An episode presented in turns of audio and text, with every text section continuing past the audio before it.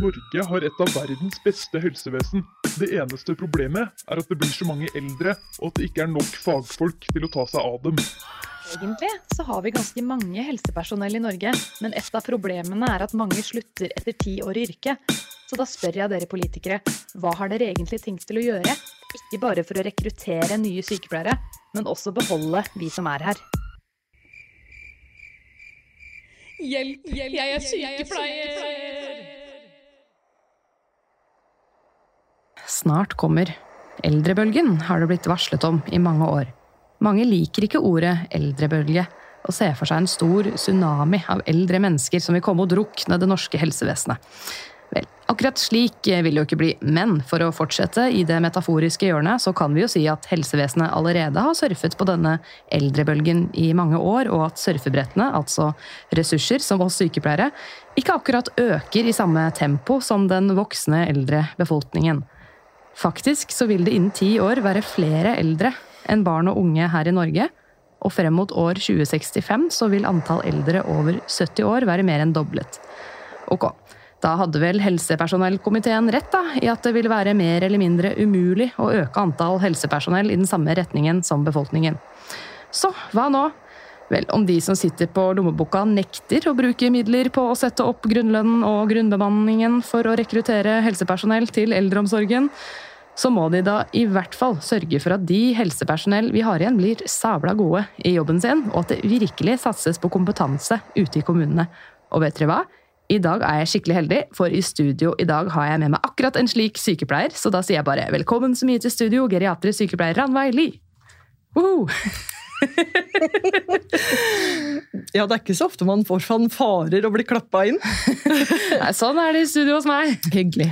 Dette er din første podkastinnspilling. Første podkast. Jomfruinnspillinga, som jeg kaller det. Ja. Det er det. Skal vi bare kjøre på, da? Eh, hva er egentlig geriatri og geriatrisk sykepleie? Ja, Geriatrisk sykepleier er jo ingen beskytta tittel, sånn som eh, helsesykepleier eller jordmor eller intensivsykepleier. Men det er et ord vi har tatt litt eiergrep om, og når jeg sier vi, så mener jeg først og fremst faggruppa i geriatri og demens i Sykepleierforbundet. Eh, for det skal være litt stas å jobbe i geriatrien. Eh, og det handler jo rett og slett om eh, sykdommer som rammer særlig eldre, altså de over 65, de skrøpelige som jeg sier litt sånn på folkemunne har et diagnoseregister lenger enn underarmen, det er de geriatriske sykepleierne skal ta vare på. Så geriatri, betyr det lære noe om eldre? Ja. Ja, rett og slett. Så Fra det er et, gresk. eh, På, fra gresk, ja. De, de gamle grekerne. Ja. De sitter på alle de gode orda. Yes. Mm. Så da handler det ikke bare om demens, det handler om eldre generelt og alt det innebærer med å bli syk og eldre? Ja, helt riktig. Riktig. Ok, Kan du fortelle litt om bakgrunnen til at du valgte å videreutdanne deg innen geriatri? Eller er det demens du har videreutdannet deg? Du må, Jeg du må ja, fortelle. Ja takk, begge Ja. deler. Begge Um, deler, ja.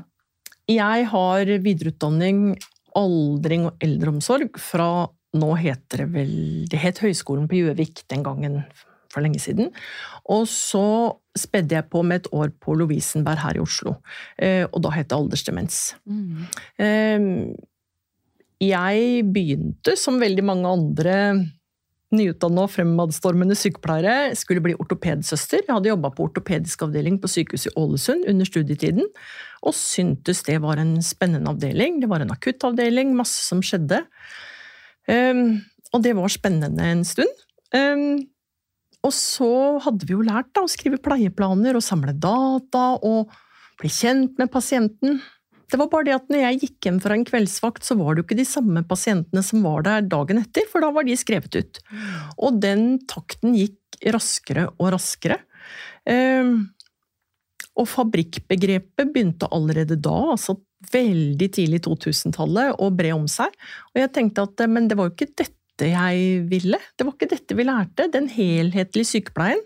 Da måtte jeg begynne å tenke annerledes. Så da ble det først geriatri, og så helt egentlig litt tilfeldigheter som førte meg inn på demensveien. Eh, og der stortrives jeg. Så bra. Når var det du tok grunnutdanninga som sykepleier?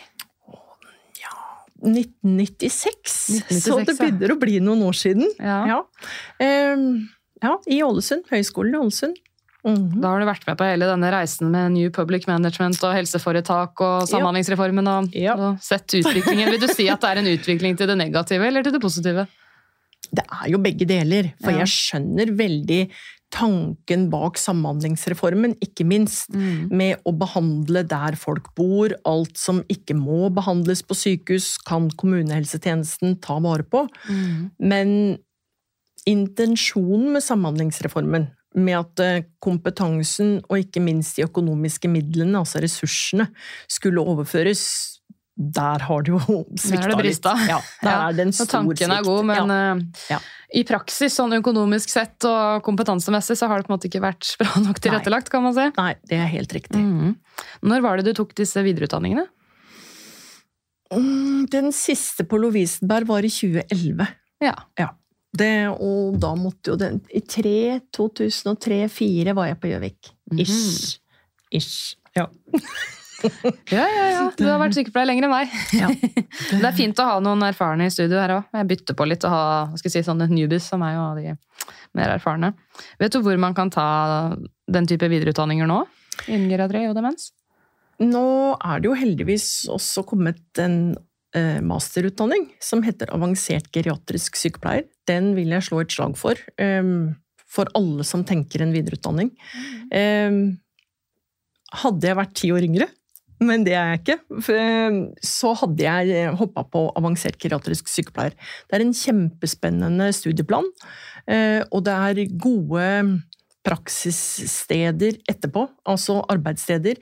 Alt fra hukommelsesklinikker til geriatriske avdelinger. Altså, eh, jeg vil gjerne rose Bærum kommune litt, for de har faktisk nå søkt etter avansert geriatrisk sykepleier. eh, Med lønn, ikke minst med dertil hørende lønn. Eh, Så det skjer noe. Eh, Men ellers så er det jo fortsatt videreutdanninger, og da alle høyskolene egentlig tilbyr mer eller mindre eh, ulike studieretninger. Noen sier eh, aldersdemens, noen sier aldring og eldreomsorg. Altså, De Ja. heter litt forskjellig ut ifra hvor man Ja. går på skole? yes. Ja. Riktig. Nei, men da hører dere det, dere som hører på som vil eh, videreutdanne dere innen eldreomsorg. Avansert geriatrisk sykepleie. Søk, søk, søk. Kanskje det er noen resteplasser nå? Det er ikke for seint. Men ok, skal vi gå litt inn på kjernen her, eh, om demens? Vil du fortelle litt om hva demens egentlig er? Åh, trekk pusten dypt. Eh, Demens er jo en sekkebetegnelse. Det er jo ikke én sykdom som er demens. Det er en sekkebetegnelse. Og dessverre så er det fortsatt sånn at veldig mange fastleger sier ja, ja, vi snakker om en demens. Ja, vi snakker om en demens, men hvilken type demens? Og det er her liksom kjernen er, fordi det er forskjellig tilnærming etter hvert til hvilken sykdom. Ehm, Den aller mest vanlige demenssykdommen jeg, jeg tror tallene er mellom 60-70% av alle som får en demensdiagnose, så er det Alzheimers sykdom vi snakker om. Den kommer snikende, den er litt sånn lumsk, den, det kan ta lang tid, og det kan være så mange differensialdiagnoser. Eh, Så fortsatt så handler jo mye utredning om å utelukke andre ting. Mm. Så er det vaskulær demens, som er nummer to. Den er gjerne satt i forbindelse eller likhetstegn med hvis man har hatt høyt blodtrykk over mange år, eller har hatt et eh, hjerneslag, eh, diabetes, altså alt som påvirker hjerte-karsystemet, så er det gjerne vaskulær demens vi snakker om. Eh, Snakker man da om karsystemet i hjernen? Ja. ja. Ja. Men Alzheimer, hva er det som skjer i hjernen da? Hvis vi går litt tilbake til den. Ja, der er det faktisk ja, nytt og nytt. Eh, Men et forskningsprosjekt eh, i Oslo, eh, OUS hvis jeg ikke tar feil, eller var det Universitetet i Oslo, i hvert fall de har sett på eh, menneskehjerner hvor pasienten har hatt Alzheimer, og dyrehjerner, og sammenligna. Og de ser altså stor endring i mitokondriene inni cellen. Og for de som ikke husker anatomiundervisninga, så altså mitokondrien er kraftverket i cellen. Og når den, det kraftverket dør eller svekkes, så blir man ikke kvitt stresset i cellene. Så det er liksom det siste, at man har hatt en kobling eh, som rett og slett gjør at nerveceller dør. eh, Og ikke lenger overfører signaler. eh, Og sakte, men sikkert så visner språk blir borte. Apraksien kommer, afasien kommer. Altså alle disse tingene som påvirker eh, dagliglivets gjøremål. Man blir eh, rett og slett veldig sjuk. Og det tror jeg ikke så veldig mange er klar over, hvor sjuk man egentlig til sjuende og sist blir når man har Alzheimers sykdom. Kan disse mitokondrieødeleggelsene skje hvor som helst i hjernen? Nei. Nei. Det, altså Hippocampus-senteret i hjernen, eh, litt på siden ved tinninglappene, er vel der eh, forskere konsentrerer seg mest om det de leiter etter. Eh, og det er jo språksenteret, hukommelsessenteret, som, som liksom blir ramma særlig. Og da særlig for nyere innlærte ting. Så, så det er jo helt vanlig at en Alzheimer-pasient langt inn i sykdommen kan prate relativt klart om hendelser som var veldig langt tilbake i tid, men de greier ikke lenger å, å si at det var 20 år siden eller 30 år siden. De kan reoppleve hendelsene som nye. Oi, det er interessant. Jeg leste også denne artikkelen eh, fra Sykepleien der du var med, at man kan eh, glemme nye språk man har lært. At dere hadde en eh, dame fra jeg husker ikke hvilket land, men så hadde hun glemt norsk og bare husket morsmålet sitt, selv om hun egentlig kunne norsk. Ja. Det er interessant. Det er, eh, for det var nyere data, Mm. ikke sant, som er sist innlært. Ja. Ja. Så, så det er eh, vi, vi, vi har jo stadig pasienter inn og ut hos oss, og det er klart at eh, folk som har vært vant til gjennom jobben sin kanskje, og hatt et stort ordforråd, så, så sitter ordforrådet ganske lenge i, og, og midt i en ordsalatblanding så kan det plutselig komme ord som man tenker Oi, vi, ja, han var banksjef. Ja, Mm. der, der er vi. ja, litt morsomt. Ja, jeg husker da min første jobb i helsevesenet som var betalt. Det var på sykehjem da jeg var helsefaglærling. Og da var det en som plutselig begynte å snakke tysk. Og han var ikke tysk, han var norsk, men han kunne tysk, da, så han var tilbake fra krigstiden og sånt. Så, ja. Er, jeg lærte en gang at eh, det blir litt som en Hvis man kutter et tre da, og ser på stubben eller stammen, så er det ringene som er på en måte hukommelsen. At de ytterste ringene av det som er nå, så husker man da videre og videre innover mot kjernen fra barndommen. Ligger det noe i det? Ja, og ikke minst assosiasjonene til det. Um, For man opplever jo dessverre fra tid til annen at man ser pasienter med demens som har De er utrygge. Og så opplever man da å høre at de roper på mamma Ja. eller mor. Eh, og for noen tiår tilbake så var det jo veldig at alle skulle realitetsorienteres. Eh, der er vi ikke lenger, heldigvis. Nei. og så har man jo også funnet ut, tror man, at mor ikke bare handler om den mammaen, altså moren, men om den tryggheten morsskikkelsen var og symboliserer. Mm. Eh, og det rimer jo godt med den stubben du sier, som eh, kjernen, som er igjen det trygghet. Mm. Moder jord. Moder jord. Ja. ja. Ok, da har vi snakket litt om eh, Alzheimers og vaskulærdemens. Uh, vi kan hoppe litt tilbake til vaskulærdemens. Da. Hva er det som skjer med blodårene i hjernen? De blir sprø, Ja. eh, rett og slett. Eh, I gamle dager så altså, man kalte det vel eh, eh, Ja. Altså sprø som i stive og crispy, eller Ja, ja, sprø ja. som i crazy? Nei, nei, altså stive. Eh, og, og det er klart at så blir det opphopninger, de greier ikke å sirkulere blod videre, og så blir det opphopninger av slagstoffer, og så blir det tette blodårer, eh, og så kommer det slag, og så er det visse deler da av hjernen som dør eh, når man har vært lenge uten surstoff. Eh, og da er det en begynnelse. Mm. Mhm. Kan man i en viss grad forebygge vaskulær demens? med livsstil? Ja, altså Veldig mange mener jo det, eh, og det tror jeg har noe for seg. Ja. Eh, Med en normal, sunn livsstil, måtehold med alt. eh, Altså ikke det helt ekstreme, verken på den ene eller den andre side. Har man diabetes, så forsøk så godt man kan å holde blodsukkeret noenlunde i kontroll. Blodtrykk i kontroll, være i bevegelse. Bruke hjernen. Om det er kryssord eller sudoku eller altså et eller annet hjernetrim. Eh, Ja. Skader ikke det heller. Nei, det er nok undervurdert, tror jeg. Ja. Er det andre typer demens? Ja, levileg med demens, som eh, litt utfordrende fordi man ikke alltid får stilt den rette diagnosen før ved en eventuell obduksjon. Eh, også den som kanskje vekker mest eh, utfordringer, det er frontallappdemens.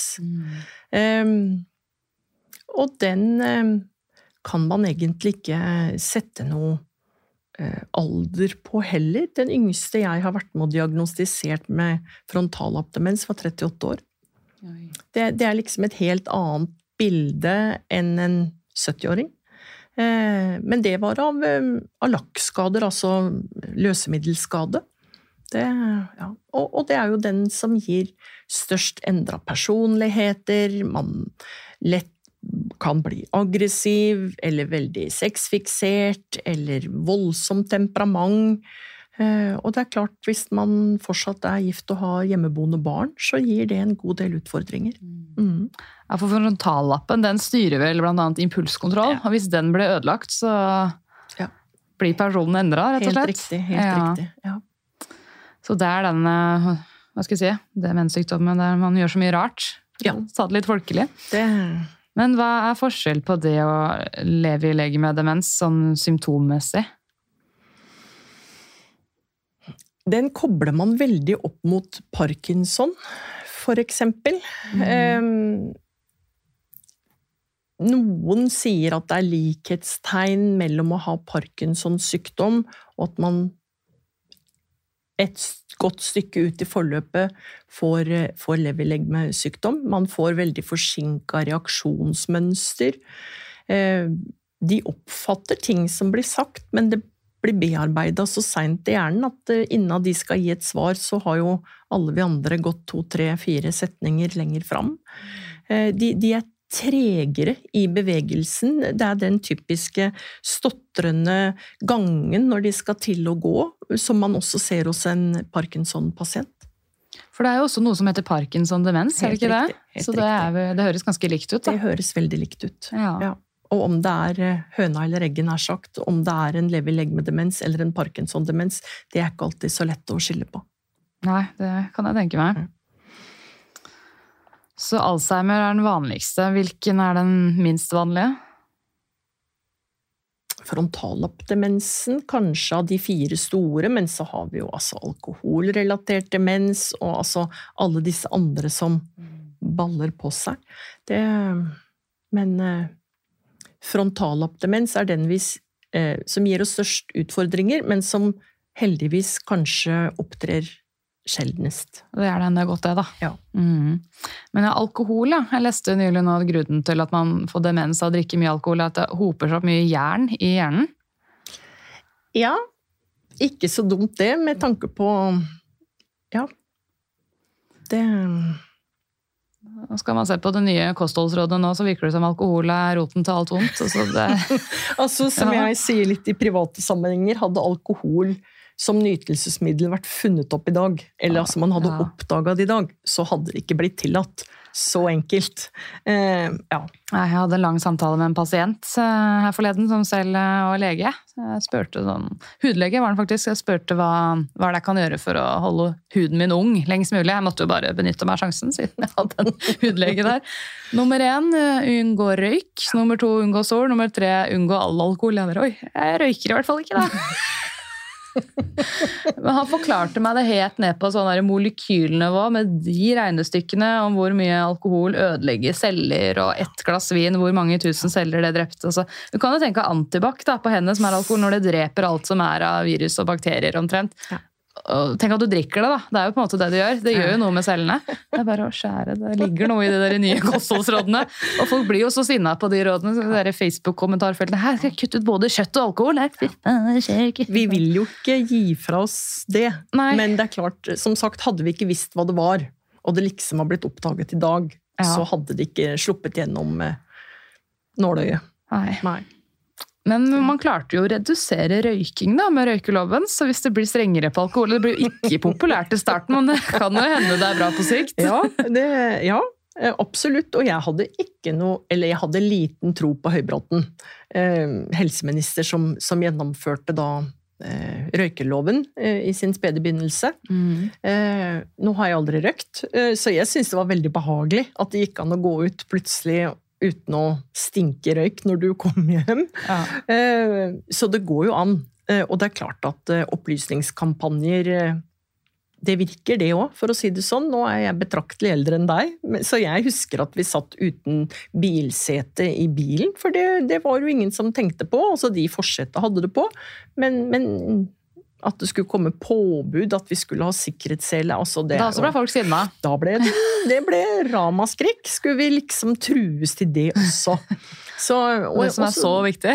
det som er så viktig. Ja. Og dette med sikring av barn i bil. altså Senest for noen dager siden satt vi hjemme og så på bilder med min svigerfar. Veldig klar i hodet, 91 år. Og han viste bilde av min mann som satt i barnesete i bil. Ja, Det var en, en, en sånn du tredde over setet på forsetet, sånn at han kom litt høyere opp. Men det var jo ikke noe sikring, det, det var snarere tvert imot mye mer farlig. Så, så det er tidene går fremover, og holdningskampanjer eh, virker jo. Altså, det er jo ikke så mange år siden, jo det er 40, hvor det ikke lenger var lov å reklamere for alkohol for eksempel, og tobakk i, i norske ukeblader f.eks. Så det virker. Ja. Og godt er det. Godt er det.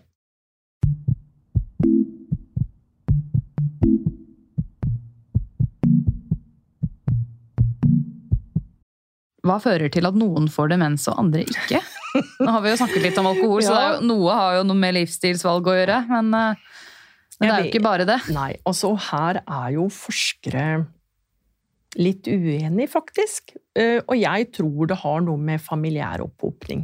Mm. At noen gener mm, er, gjør at man er lettere mot, mottagelig for, eller hvordan det, det, det nå har seg. For det er jo dessverre sånn at når man har jobba i kommunehelsetjenesten noen år, som jeg har, så ser man at å ja, ok, her er det flere fra samme familien. Så, så man gjør seg jo sine tanker. Eh, og så er det klart man kan være uheldig med helsa si, og er man godt voksen og f.eks. får en delirtilstand, så er faktisk seinere forskning også mm, lagt til grunn for at det delir faktisk kan være en årsak til å utvikle demens. Mm. Det er interessant. Eh, Kan demens behandles, og hva viser i så fall nyeste forskning her? Stort spørsmål. Ja, altså det er jo heldigvis blitt litt populært å forske på demens og medisiner og ulike typer. Og bremsemedisiner er det jo kommet en god del av på markedet. Ulike preparatnavn og ulike funksjoner til de forskjellige, eh, til de forskjellige demenssykdommene. Men alt i alt så tør jeg påstå at det som virker best, er miljøbehandling. Ja. Ja, miljøterapi. Eh, at det er eh, Altså, Demenskoret på NRK eh, har jo rullet ut en positiv bølge med demenskor landet mm. over i mer og mindre lignende eh, mønster. Og det er klart at eh, dagsenter, dagtilbud som gjør at den hjemme kan være trygg eh, for sin pårørende som er syk. Eh, og til sjuende og sist eh, sykehjemsplass eh, med miljøterapi. Vi skulle gjerne hatt flere vernepleiere ute i kommunehelsetjenesten. ja, det tror jeg er en litt sånn glemt ressurs, egentlig. Mm, veldig. Ja. Nå tenker vel at de, de jobber på boliger med psykisk og fysisk utviklingshemmet, og that's it. Men nei, nei, de kan jobbe på sykehjem, og de kan jobbe i hjemmesykepleien, og det er Ja. kjempe, kjemperessurs. Det er det. Men ja, det var noen som spurte hva er egentlig miljøterapi? Ja, og der kommer jo Altså miljøterapi, noe som virker på én, er jo bare helt bortkasta på en annen. Og her kommer det jeg brenner veldig for, at du må ha veldig god kjennskap og kunnskap om om vi kaller en pasient eller beboer, altså Mm. bruker. Kjært barn har mange navn. Ehm, For det er klart at eh, ikke alle liker å spille bingo. Altså noe så enkelt. Det må Mm. være en aktivitet og et miljø og samtaleemner som den enkelte tidligere har hatt interesse for. Det nytter jo ikke å sette fru Hansen, som aldri har vært i kirken, skal være med på andakt, for det er så hyggelig så. Nei, det er ikke det for fru Hansen. Og så blir fru Hansen bare enda mer frustrert og urolig, og så sier de andre at å, hun er så bråkete, kan vi ikke gi henne en sobril? Og så er vi på at Kanskje du heller bare fru Hansen vil gå på pub og høre på Beatles. For eksempel. Ja. Eller se fotballkamp. Mm. Noe så unormalt for fru Hansen på 90, men hun likte faktisk fotball, hun. Ikke Så, så det er eh, bakgrunnskunnskap. Det å virkelig undersøke hva hver enkelt liker og ikke liker. Har likt, ikke likt. Så miljøterapi er rett og slett å gjøre måte miljøet rundt deg hyggelige, trivelige aktiviteter. Få Ja. hverdagen til å bli så bra som mulig. Ja, Rett Helt og slett. klart. Mhm.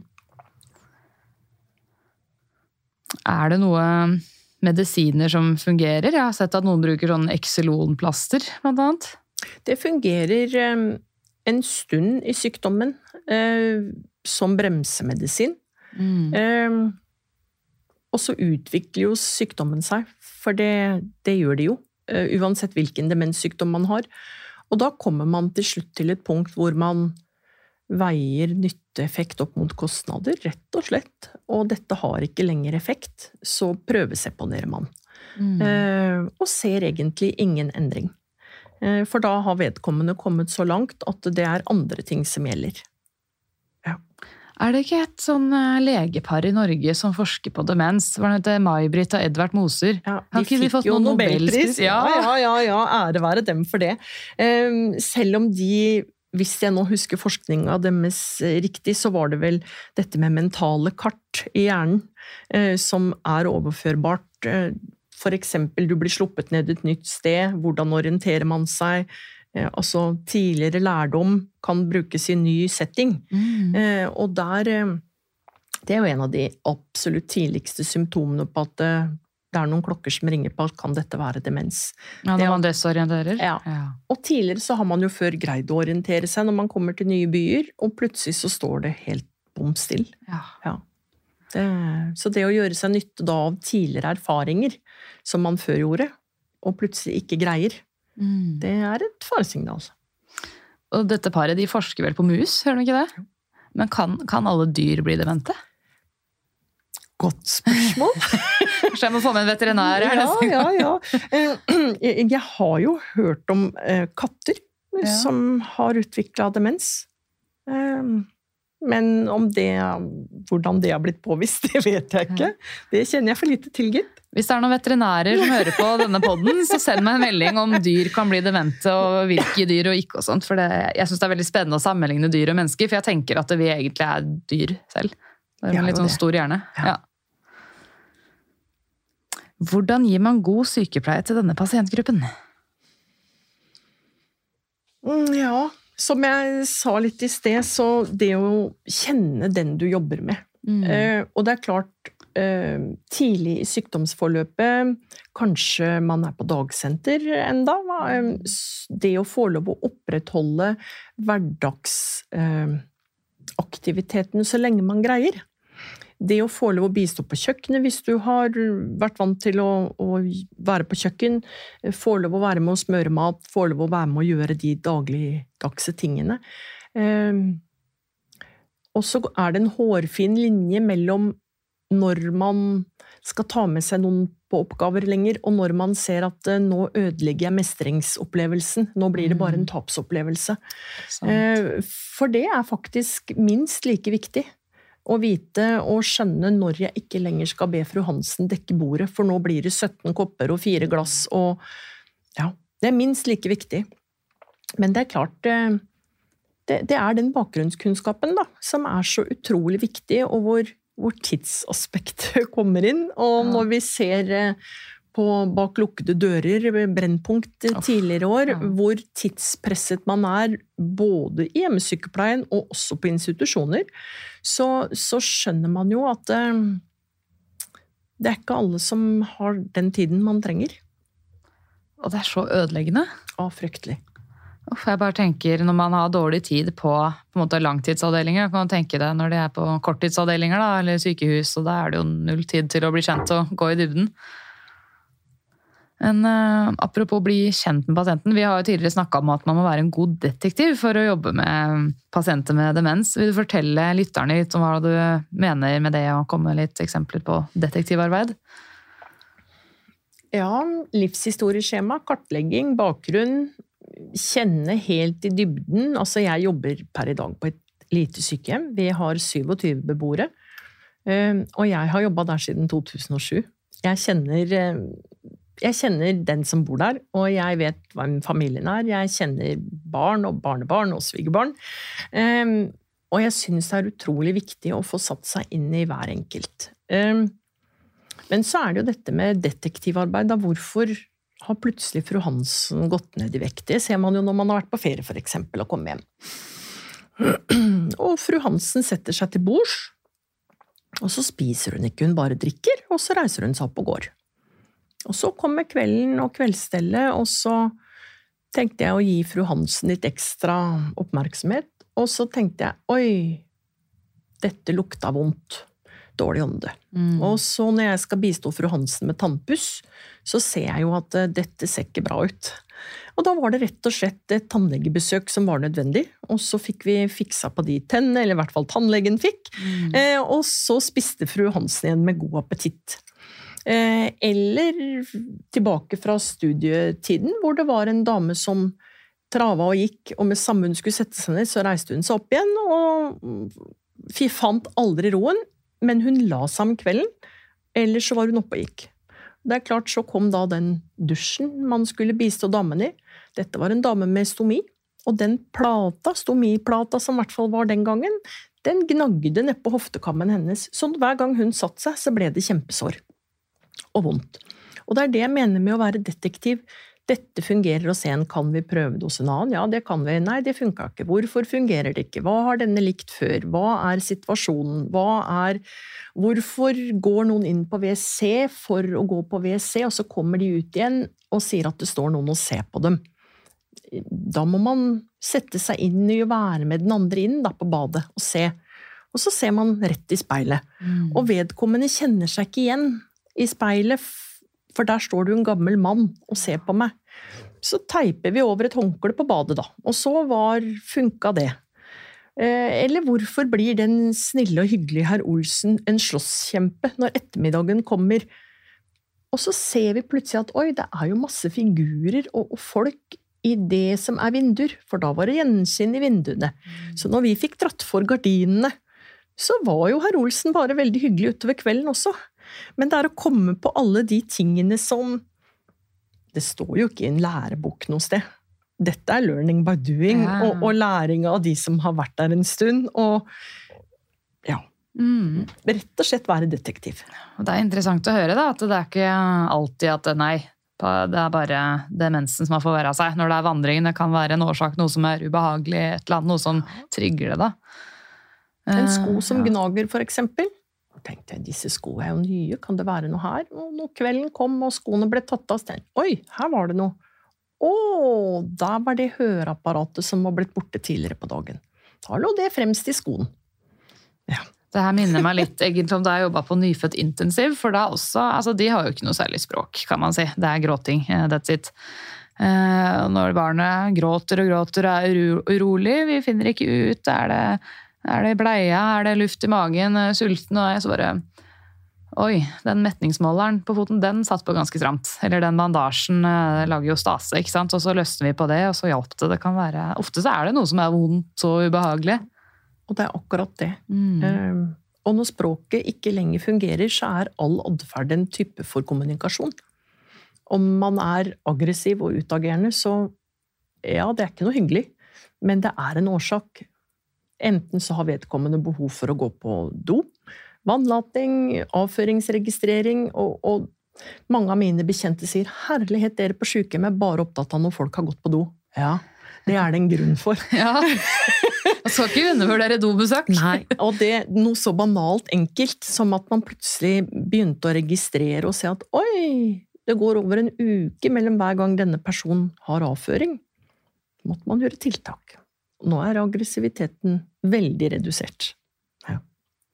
Skriver dere fortsatt sånn liten strek i en bok om de har vært på do, eller er det digitalt nå? Det er digitalt. Ja. Sånn var det da jeg begynte. Da var det sånn papirkurver og så sette strek ved hver avføring. Ja.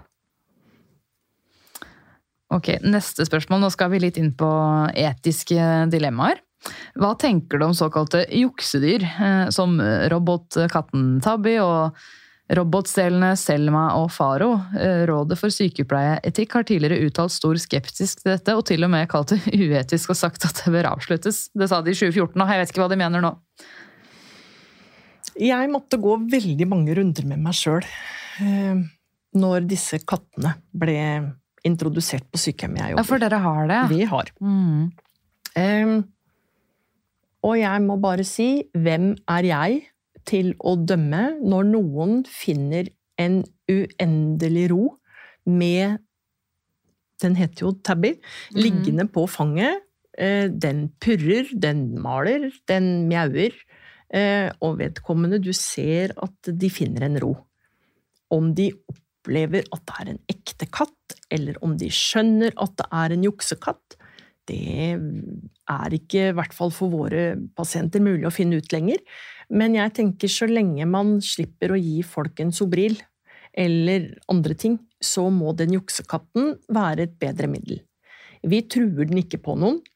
Den ligger de, for vi har flere, legger tilgjengelig på, på stue. Eh, og noen søker mot den, og andre dytter den ned av bordet. For katter skal ikke ligge på bordet. Nei. Da er det parkert. Ja. Så, så jeg tenker som så, jeg måtte gå etiske runder med meg sjøl om jeg fant det innafor eller Ja. ikke. Um, og med så mye allergier vi i dag har, både blant ansatte, men også beboere, så kan vi ikke lenger ha husdyr på permanent basis. Mm. Vi har flere beboere som har pårørende som har med hund. Og det er hyggelig når de er inne på rommet til den enkelte beboeren. Det skaper litt samtaleaktivitet. De fleste er jo så gangføre at de er med og går en liten tur når hunden er på besøk, så, så det er veldig hyggelig. Men vi kan ikke ha lenger dyr boende på sykehjem. Det er ikke mulig. Har dere noen gang hatt en alpakka på besøk? Ja, men, da var, ja, men da var ikke jeg på jobb.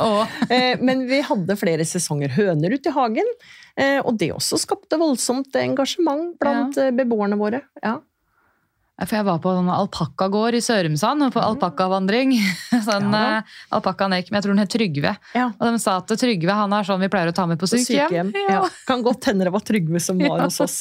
Men, Koselig. Men ja, disse robotdyrene, jeg prøvde også å søke opp noe forskning. eh, Og jeg fant en eh, forskningsartikkel fra 2017, eh, sykepleierforskning.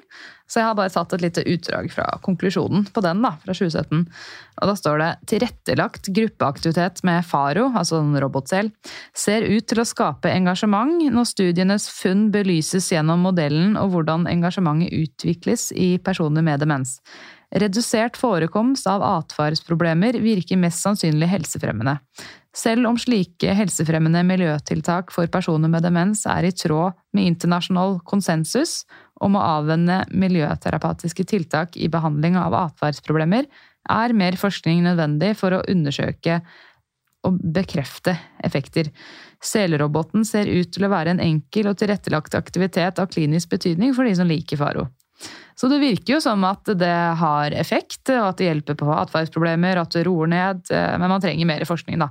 Og så sjekket jeg bare opp prisene på det her, og det koster jo sånn 50 000 da, mm. for en katt eller robot selv. Så en liten business er det nok der, som med alt annet som selges i helsevesenet. Eh, Men jeg syns jo det er litt synd at man bare skal slakte alt som på en måte er juks. fordi hva så hvis det hjelper? da? Det må jo være bedre enn som du sier, Sobril og alt mulig medisiner som vi Ja. kaster på folk som har masse bivirkninger. Ikke minst fallskader Ja. og desorientering og alt som kommer med økt tablettbruk. Så heller gå en runde etisk med deg sjøl, og så prøver vi katten. Ja, absolutt. Katten har vel ikke noen bivirkninger, Nei, vel? nei, Nei. absolutt ikke. Og det er litt som jeg sa at Vi har gått litt bort fra det å realitetsorientere hele tiden. Så er det så farlig hvis pasienten liker det. da. At, eh, ja. Og det, det er jo et stikkord til det skal være på pasientens premisser, eller beboerens premisser. Absolutt. Det, ja. og, og Tom Kitwood, altså eh, personsentrert omsorg er jo liksom hans, eller var hans baby. Eh, og det er eh, Ja, jeg tror det er veldig riktig. Eh, helt individuell omsorg. Alle skal ikke spise klokka ni frokost, alle skal ikke legge seg klokka åtte. Noen liker å se på friidrett. Ja, så la dem sitte, da. Vi hadde, jeg hadde seinvakt forrige dagen når eh, Ingebrigtsen løp, og Warholm. Og det var stor stemning blant de fire mannfolka som satt oppe og så på friidrett. Eh, og at dem ikke var eh, lagt i seng når nattevaktene kom klokka ti, det spilte ingen rolle. De hadde hatt en kjempeopplevelse med potetgull og brus når vi så på VM. Så koselig. Så det er ikke det der rotteskjøret hos dere at alle må opp klokka åtte og stelles for frokost, og alle må legges før klokka ni? Nei, for sånn føler jeg det er på enkelte sykehjem. Det, nå, vi gjorde jo en endring i 2019, så da ble min arbeidsplass et demens... Eller sykehjem for personer med demens. Mm. Eh, og det har vært mye skolering. Vi har vært gjennom ABC, Demensomsorgens ABC. Eh, og også dette prosjektet Leve hele livet prøver vi å implementere i alt vi gjør. Eh, og det har båret frukter. Virkelig. Så bra. Mm. Hvor er det du jobber? Kløfta bo- og aktivitetssenter. En stund til. Ja, for du skal begynne en ny jobb, du. Ny jobb. Ja. Um, ja. Eh, forsterket demens heter det foreløpig. Eh, avdelingen har ikke fått noe navn. Eh, det er også i Ullensaker kommune. Per i dag så kjøper vi en del plasser eh, for personer med utagerende atferd. Det er en betydelig kostnad. De skal vi nå prøve å gi et tilbud i kommunal regi. Og det skal jeg være med å starte opp. Mhm. Spennende. Skal dere da åpne på en måte nye steder for dem å bo, eller er det hjemmebasert omsorg der? Nei, dette er også institusjonstjenester. Ja. Ja. Mm. ja, men Spennende, fordi du har jobbet på Kløfta. Hvor lenge har du vært der? Ja, siden 2007, så det Ja. blir vel 16, 16 Wow. Ja. Hva tenker du om å bytte beite? Eller du bytter jo ikke helt beite, men du bytter, bytter sted. Bytter sted. Ja. Ehm, det var litt skummelt. Jeg satt veldig lenge på gjerdet og tenkte, men det å få lov å være med å bygge opp noe helt nytt, fra første beboer kommer inn døra, det å få lov å være med å lage rutiner, få lov å være med å velge eh, hvilken modell skal vi gi vår omsorg etter, altså det er eh, mye spennende. Ehm, så da søkte jeg, da. Spennende. Ja, spennende. Mm. Ok, Det er en til sånn etisk problemstilling som jeg tenkte vi kunne snakke om. Det diskuteres ofte hvorvidt pasienter med demens blir utsatt for overbehandling eller ikke, og status HLR minus eller livsforlengende behandling minus. Det er et gjennomgående tema. Så jeg bare lurer på om du har noen tanker her, og skal man alltid legge inn demenssyke pasienter på sykehus ved nyoppdaget sykdom eller forverring av sykdom? Å, dette er et langt svar. Ja. Det skal alltid være et mål med en behandling. Eller en utredning. Mm. Det er klart. Ramler noen og brekker et bein, så er det klart de skal på sykehus. Altså, Ja. Det er ikke det vi snakker om.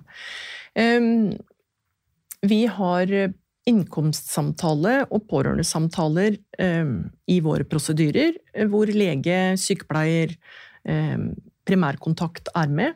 Eh, Man spør etter eh, framtidsfullmakt. Har vedkommende sagt noe om det mens de enda eh, var samtykkekompetente? Det er ikke alle som er det lenger. Eh, Og nå, det veldig korte svaret er at nei, vi prøver å ikke sende våre på sykehus hvis det ikke er helt, helt nødvendig. Eh, og det handler litt om å øke forvirringstilstander. Jeg snakka så vidt i sted kort om, om delir.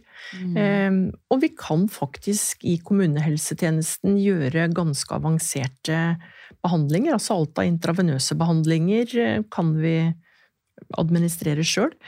Det siste nå i kommunen vet jeg er blodoverføring.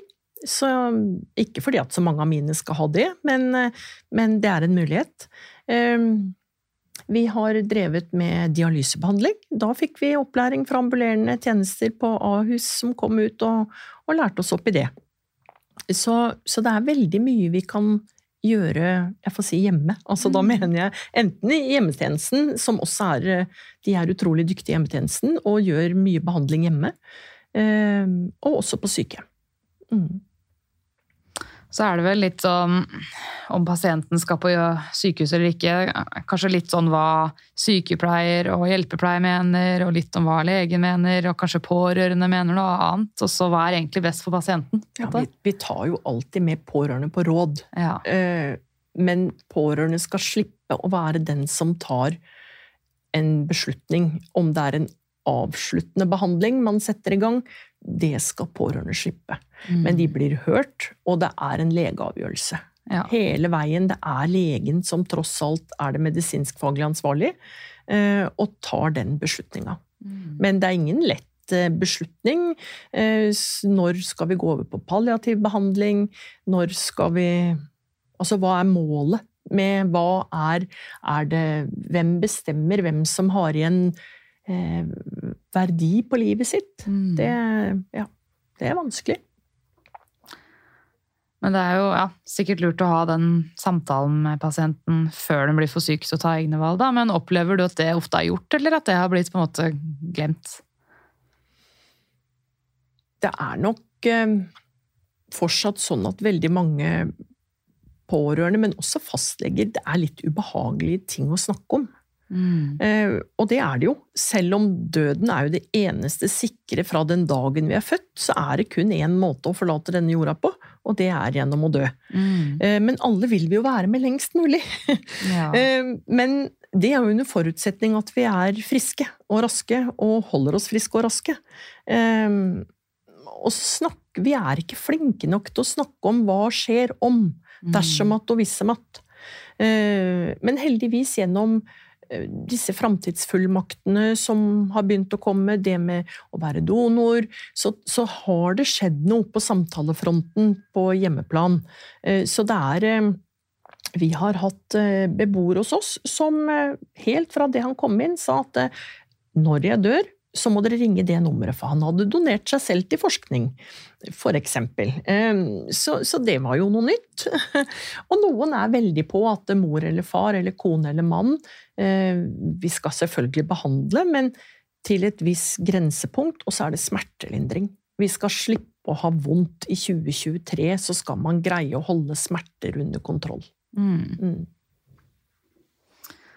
Ja, det er egentlig det siste punktet før vi går over på Q&A, tror jeg. Ja, Det var egentlig om, om jobben din, men nå har du jo snakket litt om, eh, om den allerede. Eh, Er det noe mer du vil fortelle om Kløfta bo- og aktivitetssenter og hvorfor man bør jobbe der?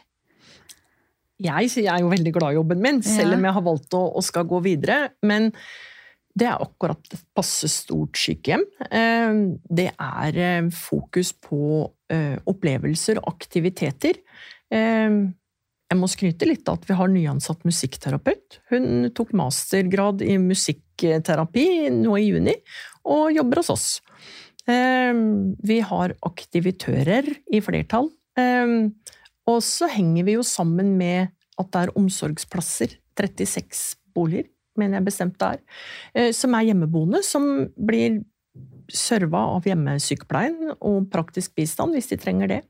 Så, så det er et eh, fint sted, det er god, godt miljø både for oss som arbeider der, men også for de som bor hos oss. Så jeg vil, jeg vil slå et slag for eh, kommunehelsetjenesten sånn generelt. Det er en spennende arbeidsplass hvis man ikke er veldig akuttmenneske. For det er klart, det er godt vi er forskjellige. Um, Jeg har vært pasient på sykehus og vært veldig glad for at noen liker å jobbe på, på akutt, eh, den akutte beredskapen. Mm. Men eh, som sagt, det er veldig spennende i dag å jobbe i kommunehelsetjenesten. Det er et stort område. eh, Og man får virkelig brukt alt man kan og ikke visste at man kunne, eh, for å tenke seg om. Ikke minst når det oppstår eh, Siste uværet het vel Hans. Yep. Da må man liksom tenke rådsnart. eh, Hvordan kommer jeg meg ut til den brukeren i hjemmesykepleien, eksempel? Man må Ta båten. ta båt. Eller ri, vet jeg noen har gjort fra tidligere år tilbake. Oi. Eh, I en annen kommune jeg jobba, og noen har gått på ski et par kilometer. Så mm, ja da. Det er ikke så lett å komme seg over skogen her. Nei, ikke alltid. Men ja, apropos vann og båt. Hva er greia med at alle pasienter tror de er på båt på sykehus når de begynner å bli forvirra? Det har jeg lagt er- merke til. Det er lange korridorer og blanke gulv. Ja. Rett og slett så enkelt er det. Se for deg danskebåten eller Kiel-ferja. Det er lange korridorer med dører på hver side. Så tenker man at det er kabiner? Helt riktig. Da er det en lugar. Aha. Eh, eller veldig mange sykehus har jo disse glatte gulvene som skal være enkelt å holde reint. Det blir oppfatta som at det er vann på gulvet. Eh, så, så det enkle svaret er det. Den lange korridoren eh, og de blanke gulvene. Hos oss er det jo vann på gulvet noen ganger, eller Ja. tiss, tiss for den saks skyld. Det kan det, være, det kan det også være, ja. Ja. Det, så ref tilbake til nytt arbeidssted, så er det noe som i disse dager akkurat er ferdig bygd om. At vi måtte bytte ut gulvene. Så nå er det Ja. matte gulv som ser ut som tregulv. Tenk det. Sånne Ja. små ting kan ha så mye å si. Ja. Du sa noe om at dere hadde legevisitt to ganger i uka. Har dere fortsatt det? Mm. Så bra. ja. Da får man vel eh, nøsta opp i en del, så man ikke må drive og kontakte legevakt og sånt. Det høres veldig stygt ut det jeg skal si nå, men det er veldig godt ment. Men vi Ja. er ikke så glad i legevakt. For de kjenner jo ikke våre brukere. Og full forståelse for at legevakta tenker akuttilfeller, de skal legges inn eller undersøkes. Nei. Det, så, så vi har hatt en fastlege på sykehjemmet gjennom mange år, og så har vi fått en ny, ny en nå. Um, og de er veldig på tilbudssiden. Vi får sende SMS-er som de responderer på innen en halvtime. Vi legger pasientforløp, vi ser at noen begynner å eh, her er det et eller annet. Ok, da har vi scenarioer. Enten så hvis dette skjer, så er det en, et mulig tiltak. Skjer sånn, så gjør vi sånn. Ta en ny uh, prøve, om det er en CRP eller Stix, ring meg i morgen, jeg kontakter. Altså, vi bruker systemene, for det beste er å Vår lege kjenner våre pasienter aller best. Mm. Mm. Er det én eller to faste leger som går til dere? Det er én. En, ja. Mm. Mm. Det er det. Men hvis det skjer noe på kveld eller helg, da, er det legevakta man må Ja, ringe til da? selvfølgelig er det men det. Men kan da legevaktslege komme hjem til pasienten, da? De, ja, det har ja. de faktisk. Vi har en ambulanse... Nei, nå heter det legebil. Ja. Um, og det, vi har faktisk flere ganger opplevd at legen kommer ut. Og det var jo nesten sjokk første gang jeg opplevde at noen sier ja, men da kommer vi. Uh, ok. Men ja, for før så har pasienten faktisk måttet bli lagt, frakta til lege... Uff, Ja. det er vel ikke noe særlig. Nei, det er ikke noe særlig. Ventetid og sånt. Ja. Ja. Nei, det er veldig fint når legene kan komme, komme dit pasienten er. Skal vi se Ja. Pårørende. Hvordan kan man på best mulig måte samarbeide med pasientens pårørende innen geriatri og demensomsorgen? Og fortell gjerne litt hvordan dere gjør det der du jobber.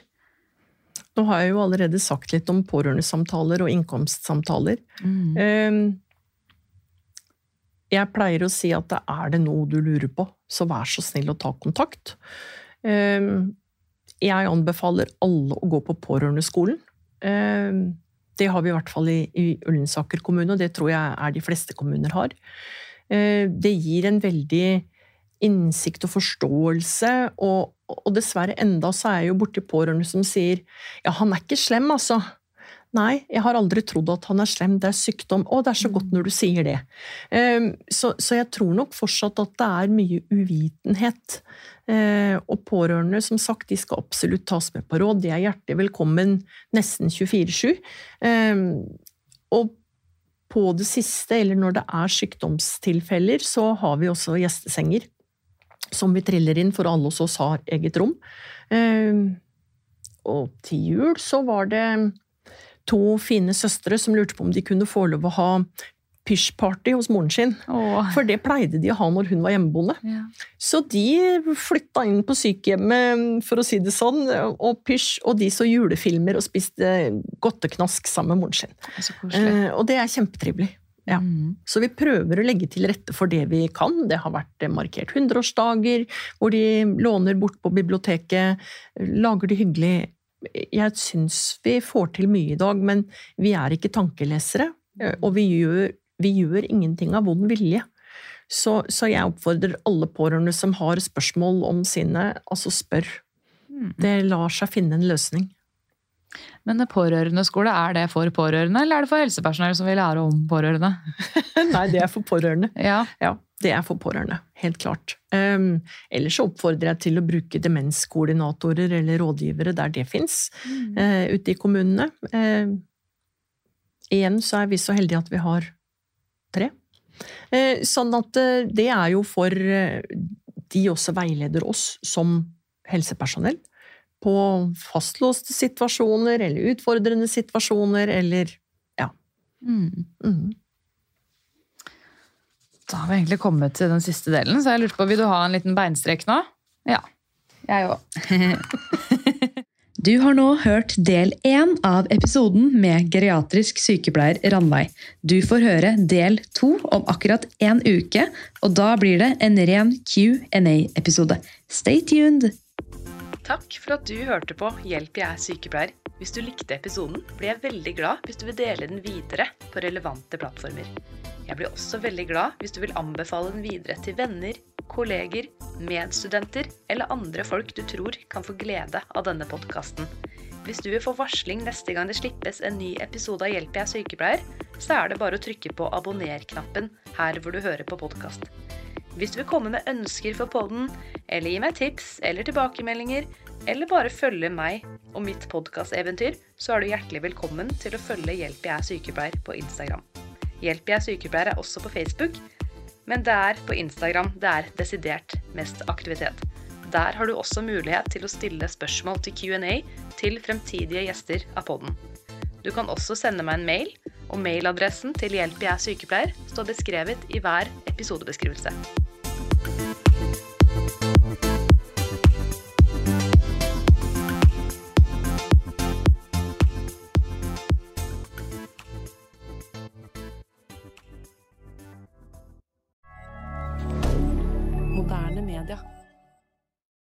Har du et enkeltpersonforetak eller en liten bedrift? Da er du sikkert lei av å høre meg snakke om hvor enkelt det er med kvitteringer og bilag i fiken, så vi eh, gir oss her, vi. Fordi vi liker enkelt. Fiken superenkelt regnskap.